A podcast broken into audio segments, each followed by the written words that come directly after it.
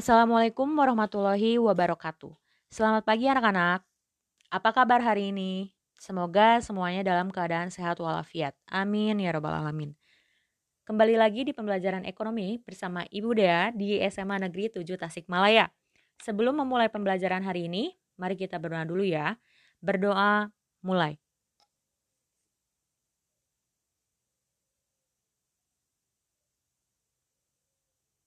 Berdoa selesai.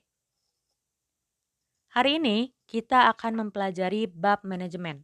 Sebelumnya sudah Ibu berikan ya peta konsepnya yang di dalamnya ini ada materi-materi apa aja sih yang akan kita bahas di bab manajemen. Masih ingat? Masih dong ya. Yang pertama kita akan mempelajari pengertian manajemen dan pengertian manajemen dari para ahli itu seperti apa aja sih? Apa aja yang di uh, sebut dengan manajemen ini. Terus ada lagi unsur-unsur manajemen, ada jenjang manajemen, bidang manajemen, fungsi manajemen, prinsip manajemen, serta penerapan fungsi manajemen dalam kegiatan di sekolah. Sebelum kita masuk ke materi, sebenarnya kita sudah bertemu dengan manajemen dalam kehidupan sehari-hari nih. Misalnya, pakaian yang kalian kenakan yang diproduksi oleh sebuah perusahaan pakaian. Apakah perusahaan ini berdiri sendiri tanpa aturan dan organisasi di dalamnya? Tentu tidak ya. Terdapat beberapa divisi atau departemen dalam sebuah perusahaan seperti divisi produksi. Ini membahas bagaimana jaket tersebut akan diproduksi. Bahannya mau yang kayak gimana? Modelnya atau desainnya mau yang seperti apa? Terus ada lagi divisi pemasaran yang membahas pendistribusian nih. Pendistribusiannya mau kayak gimana? Terus mau sampai mana nih wilayahnya? Apakah di Indonesia saja atau bisa worldwide shipping atau eh, pengiriman sampai luar negeri? Terus ada lagi divisi keuangan yang mengatur keuangan perusahaan sehingga perusahaan tidak akan sewenang-wenang dalam menggunakan keuangannya. Terus ada lagi sumber daya manusia yang mengatur hal-hal yang berkaitan dengan tenaga kerja, misalnya rekrutmen, terus lagi pelatihan tenaga kerja untuk meningkatkan skill. Dan ada juga administrasi. Hal ini berkaitan dengan apa nih? Dengan dokumen-dokumen perusahaan. Jadi, pakaian yang kalian pakai dan pakaian yang ada di lemari kalian dalam kehidupan sehari-hari ini prosesnya panjang dari mulai bahan baku, proses produksi sampai pendistribusian. Dan divisi-divisi tersebut merupakan bidang-bidang dari manajemen yang materinya akan kita bahas hari ini.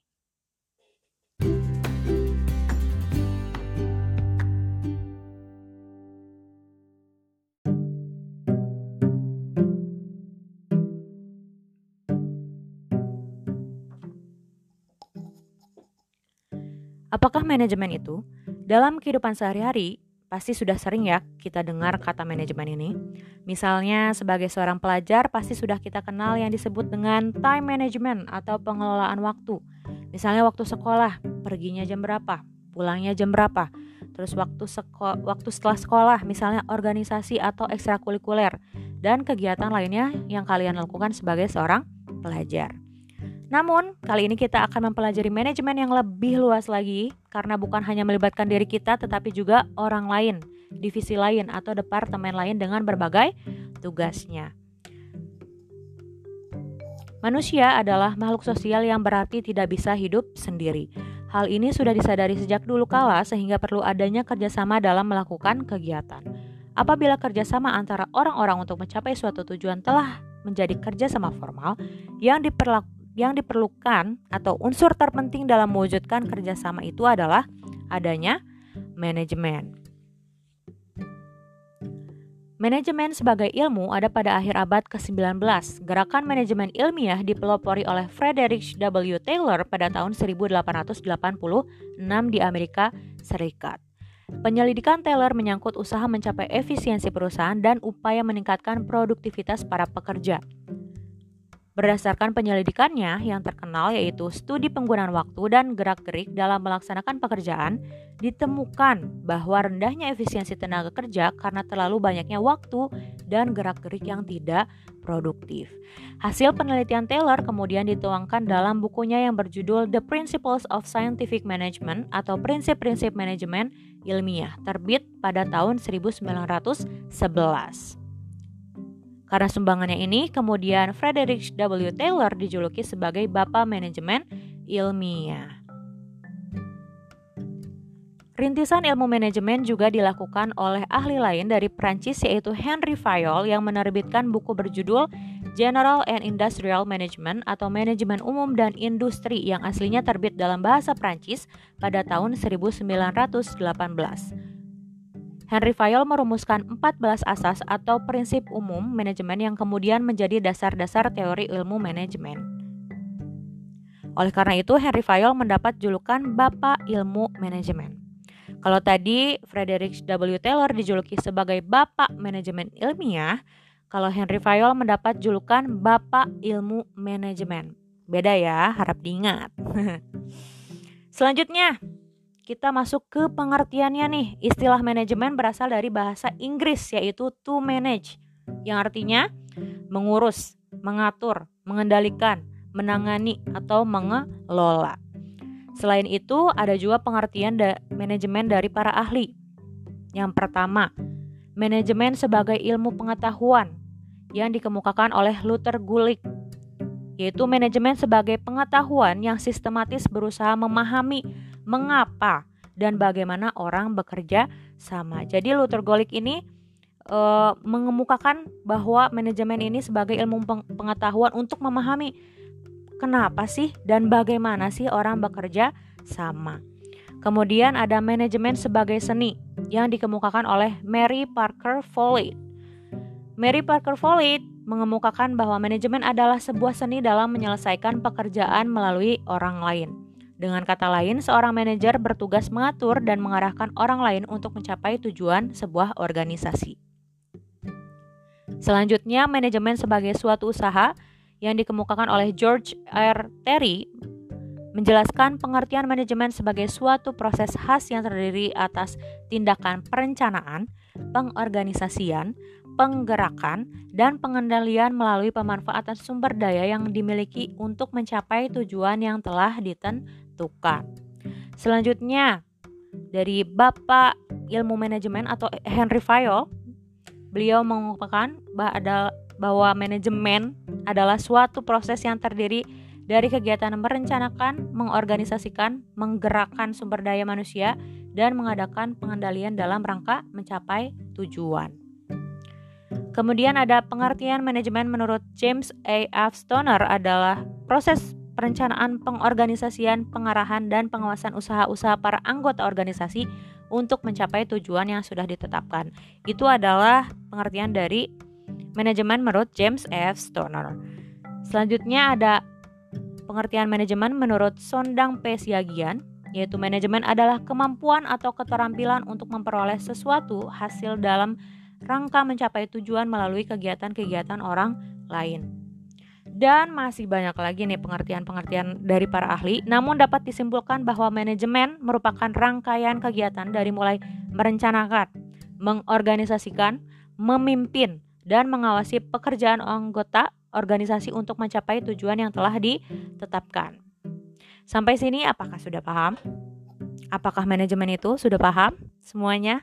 Ibu harap ibu penjelasannya jelas sehingga kalian bisa mengerti apa yang dimaksud dengan manajemen ini ya. Selanjutnya dari pengertian kita berangkat menuju unsur-unsur manajemen. Apa aja sih unsur-unsur manajemen ini?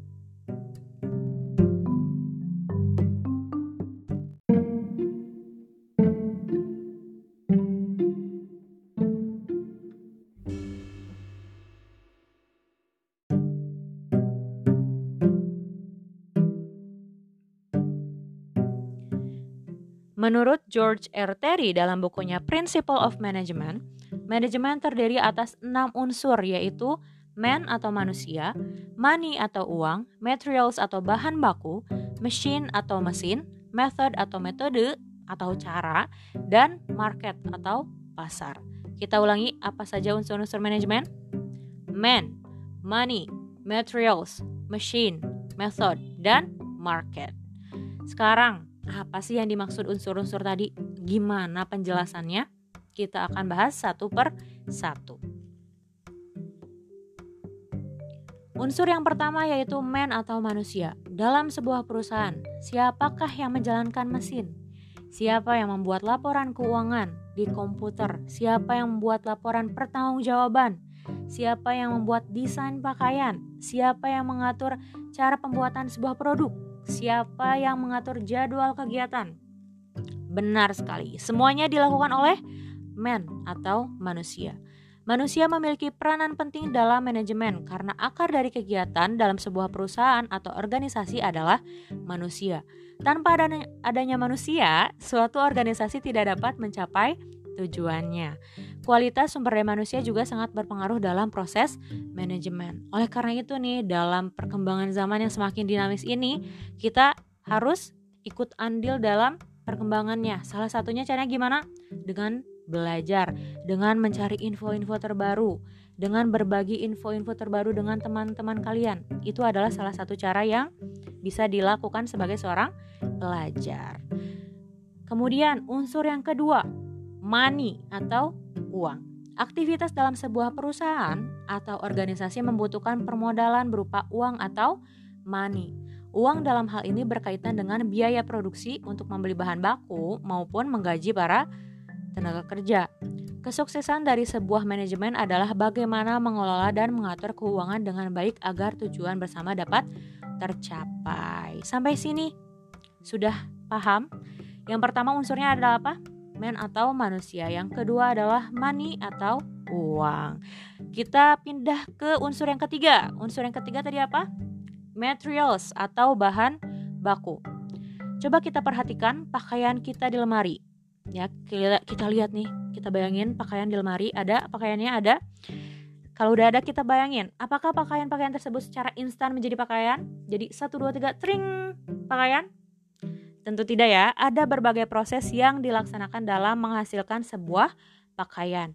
Untuk menghasilkan pakaian misalnya kita membutuhkan apa aja kira-kira? Benang misalnya. Kita butuh benang. Terus kita butuh apanya? Kainnya. Terus kita misalnya butuh kancing dan lain sebagainya. Karena tergantung dengan jenis pakaiannya mau yang kayak gimana, desainnya seperti apa. Makanya setiap pakaian itu berbeda prosesnya dan beda bahan bakunya. Contoh lain, tadi udah pakaiannya sekarang kita lihat lemarinya. Misalnya kalau ada lemari yang dari kayu, berarti bahan bakunya apa aja nih kira-kira? ada kayunya ya, ada kayu, terus ada lem kayunya, terus ada catnya, terus ada apa lagi? Masih banyak lagi ya. Jadi sekarang kita udah mulai aware nih, udah mulai sadar, wah iya nih, ternyata celana yang kita pakai prosesnya panjang dari bahan baku sampai jadi celana. Terus misalnya buku yang kita baca juga bahan bakunya sangat-sangat rumit. Jadi hal-hal di sekitar kita tuh sebenarnya bukan hal-hal yang instan tetapi mempunyai step-step atau langkah-langkah yang panjang sampai akhirnya menjadi produk gitu. Ini adalah unsur yang ketiga, unsur manajemen ketiga yaitu materials atau bahan baku. Kita lanjut ya, kita lanjut ke unsur yang keempat dari manajemen yaitu apa kira-kira? Tadi apa coba? Machines atau mesin. Di era digital, di era digital dan kemajuan zaman memaksa manusia untuk terus berkreasi dan berinovasi dalam produksi agar lebih efektif dan efisien. Apa sih efektif dan efisien? Ada yang tahu? Efektif ini diukur dengan ketercapaian target yang telah direncanakan. Misalnya, kalau misalnya kalian punya uh, perusahaan misalnya apa ya? Perusahaan sepatu misalnya dalam sehari kalian punya target untuk membuat 100 pasang sepatu. Ketika kalian bisa memproduksi 100 pasang sepatu, itu berarti kalian sudah mencapai efektivitas. Nah, sekarang apa yang dimaksud dengan efisien? Nah, efisien diukur dari penghematan biaya, terus waktunya, terus tenaganya dan pikirannya. Jadi, inovasi dilakukan agar lebih efektif dan efisien nih. Gitu. Pasalnya, tujuan dari kegiatan produksi yang dilakukan itu untuk apa? Kenapa kita butuh inovasi biar lebih efisien dan efektif? Karena tujuannya adalah memperoleh keuntungan, maka lebih efisien, lebih efektif, maka akan lebih baik lagi gitu. Peran manusia saat ini sudah banyak tergantikan oleh mesin-mesin canggih dengan teknologi mutakhir. Meskipun demikian, mesin secanggih apa pun tak akan dapat berfungsi jika tidak ada manusia yang menggerakkannya. Gitu. Itu adalah unsur yang keempat, yaitu machines atau mesin. Sampai saat ini kita sudah belajar berapa unsur? Ada empat. Yang pertama, man atau manusia, kemudian ada money atau uang, terus ada apa lagi yang ketiga? materials atau bahan baku. Yang keempat tadi adalah machines atau mesin. Tinggal dua lagi nih. Kita masuk ke yang kelima. Unsur yang kelima apa? Ada method atau metode atau cara. Yang dimaksud dengan metode itu gimana sih? Metode ini berkaitan erat dengan strategi atau cara, mulai dari perencanaan sampai penilaian hasil produksi. Dalam mengatur metode dibutuhkan berbagai cara atau alternatif yang memungkinkan terciptanya efisiensi dan efektivitas agar memperoleh hasil yang berkualitas. Persiapan yang matang dan pelaksanaan yang baik akan membuat manajemen berjalan baik pula. Oleh karena itu, metode atau cara merupakan unsur manajemen dalam mencapai tujuan. Oke, tadi kasusnya apa sih? Misalnya kalian punya perusahaan sepatu ya.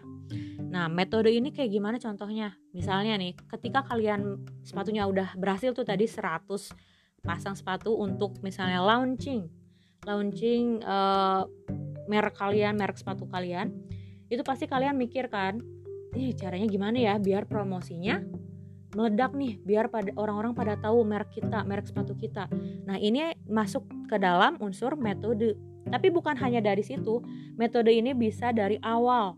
Dari awal banget nih dari proses perencanaan. Terus proses produksi sampai akhirnya jadi barang gitu. Jadi metode ini akan selalu ada gitu. Apalagi kalau misalnya kalian menjadi seorang CEO misalnya seorang uh, bos dari sebuah perusahaan. Kalian harus tahu nih metodenya kira-kira apa. Karena kan kita nggak tahu ya yang di depan kita itu apa gitu. Kita nggak tahu hambatan apa yang akan ada di depan kita baik sebagai individu maupun sebagai uh, seorang bos dalam sebuah perusahaan, makanya kita harus punya metode-metode atau cara-cara alternatif yang bisa menanggulangi atau bisa menjadi uh, jalan lain, jalan alternatif dalam mencapai tujuan perusahaan. Gitu. Itu yang kelima. Unsur yang kelima adalah metode atau metode atau cara. Kita masuk ke unsur yang terakhir. Unsur yang terakhir apa? market atau pasar. Dalam kegiatan produksi selalu ada hasil yang dicapai, seperti produk dan jasa. Produk dan jasa tersebut harus memiliki pasar atau market agar dapat menghasilkan keuntungan. Unsur manajemen dipengaruhi oleh permintaan, masih ingat permintaan dan penawaran dari masyarakat sebagai sebagai apa? Sebagai konsumen. Selain itu, cara mencari dan mempertahankan pasar yang sudah ada juga merupakan hal yang penting dalam kegiatan manajemen. Sampai sini. Masih ingat unsurnya ada apa aja? Ada man atau manusia, ada money atau uang, ada materials atau bahan baku, ada apa lagi yang keempat? Tadi apa yang keempat? Ayo, apa yang keempat? Ada machines atau mesin, ada yang kelima metode atau method, dan yang keenam adalah market atau pasar. Sampai sini apa sudah uh, paham dengan unsur-unsur manajemen? Semoga penjelasan dari Ibu uh, jelas ya. Kalau misalnya belum jelas nanti kita diskusi. Selanjutnya nih sebagai contoh, misalnya nih dari unsur-unsur tadi kita bikin sebuah kasus atau misalnya sebuah uh, cerita. Kita misalnya ada seorang yang mau bikin bisnis pakaian. Kita sebut aja A. Nah, pertama-tama kira-kira A ini harus melakukan apa sih kalau mau uh, memulai bisnis? Rencana ya pasti. Rencana. Yang pertama-tama kita harus melihat nih, A ini kan sudah menjalankan perusahaan bisnis pakaian ya, mau menjalankan bisnis pakaian. Ia membutuhkan orang yang ahli dalam bidangnya karena A tidak ahli mungkin dalam uh, misalnya desain pakaiannya atau misalnya A ini bukan seorang akuntan, maka dia butuh orang-orang yang ahli dalam bidang-bidang tersebut. Maka unsur man atau manusia diterapkan di sini nih. Ya. A membutuhkan rekan-rekan kerja yang ahli dalam bidangnya. Kemudian ada lagi uh, setelah itu A pasti membutuhkan modal ya. untuk misalnya membeli bahan baku, untuk membeli mesin, dan ini merupakan unsur money atau uang. Kemudian setelah punya uang, A membeli bahan baku, misalnya kain. Kainnya mau yang apa nih? Misalnya ada kain apa aja tuh? Katun misalnya, sesuai dengan desain desain dari yang sudah direncanakan oleh uh, produksi, oleh tim produksi.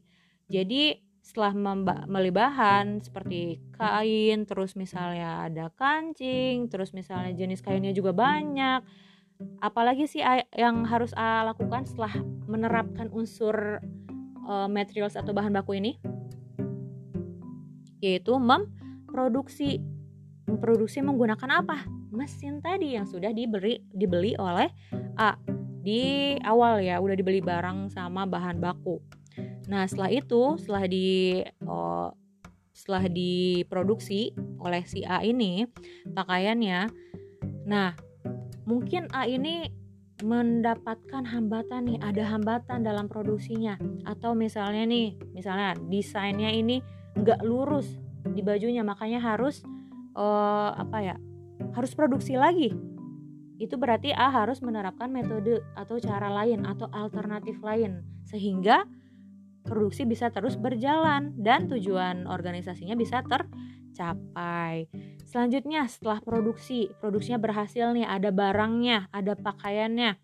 Apalagi ini uh, yang harus A lakukan?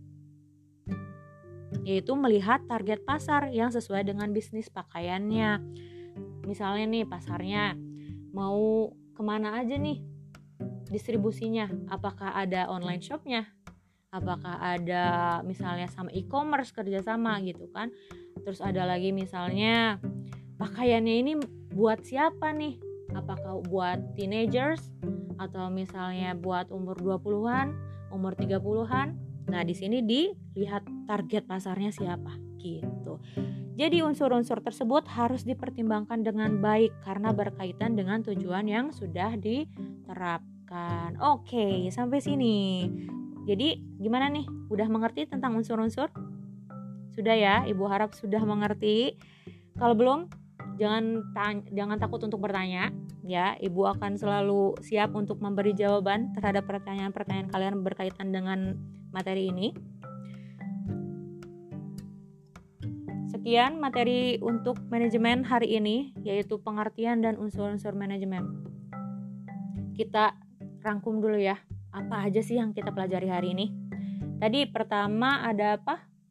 Ada pengertian manajemen. Ya, pengertian manajemen dari siapa aja tadi? Ada dari manajemen menurut uh, manajemen sebagai ilmu pengetahuan dari siapa? Kira-kira tadi. Manajemen sebagai ilmu pengetahuan dikemukakan oleh Luther Gulick yang mengungkapkan bahwa manajemen itu sebagai pengetahuan untuk mengetahui atau memahami apa, memahami mengapa dan bagaimana orang bekerja sama. Terus ada lagi manajemen sebagai seni seni oleh Mary Parker Foley. Terus ada lagi oleh siapa? Kira-kira oleh George R. Terry yaitu manajemen sebagai suatu usaha sebagai suatu proses khas katanya yang terdiri atas tindakan perencanaan, pengorganisasian, penggerakan, dan pengendalian melalui pemanfaatan sumber daya yang dimiliki untuk mencapai tujuan yang telah ditentukan. Terus ada lagi menurut Henry Fayol, Bapak Ilmu Manajemen. Manajemen adalah suatu proses yang terdiri dari kegiatan merencanakan, mengorganisasikan, menggerakkan sumber daya manusia, dan mengadakan pengendalian dalam rangka mencapai tujuan. Terus ada lagi Manajemen menurut James. F. Stoner yaitu proses perencanaan, pengorganisasian, pengarahan dan pengawasan usaha-usaha para anggota organisasi untuk mencapai tujuan yang sudah ditetapkan. Yang terakhir dari siapa? Dari Sondang P. Siagian, yaitu manajemen adalah kemampuan atau keterampilan untuk memperoleh sesuatu hasil dalam rangka mencapai tujuan melalui kegiatan-kegiatan orang lain. Tapi tadi bisa disimpulkan sebagai apa manajemen? Bisa disimpulkan sebagai rangkaian kegiatan dari mulai merencanakan, mengorganisasikan, memimpin, dan mengawasi pekerjaan anggota organisasi untuk mencapai tujuan yang telah ditetapkan. Setelah pengertiannya, tadi kita belajar apa? unsur-unsur manajemen yang dikemukakan oleh George R. Terry dalam bukunya yaitu Principle of Management yang terdiri atas enam unsur. Tadi ada apa aja yang pertama? Ada man atau manusia, terus ada money atau uang, terus ada materials atau bahan baku, terus ada machines atau mesin, terus ada methods atau metode atau cara, dan yang terakhir ada market atau pasar. Gitu sampai sini rangkumannya.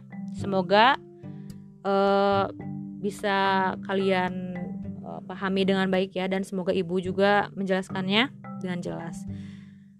Tuh, dengan selesainya pembelajaran hari ini, semoga materi hari ini ibu sampaikan dengan jelas, dengan lengkap dan semoga ilmunya juga bermanfaat untuk kalian semua.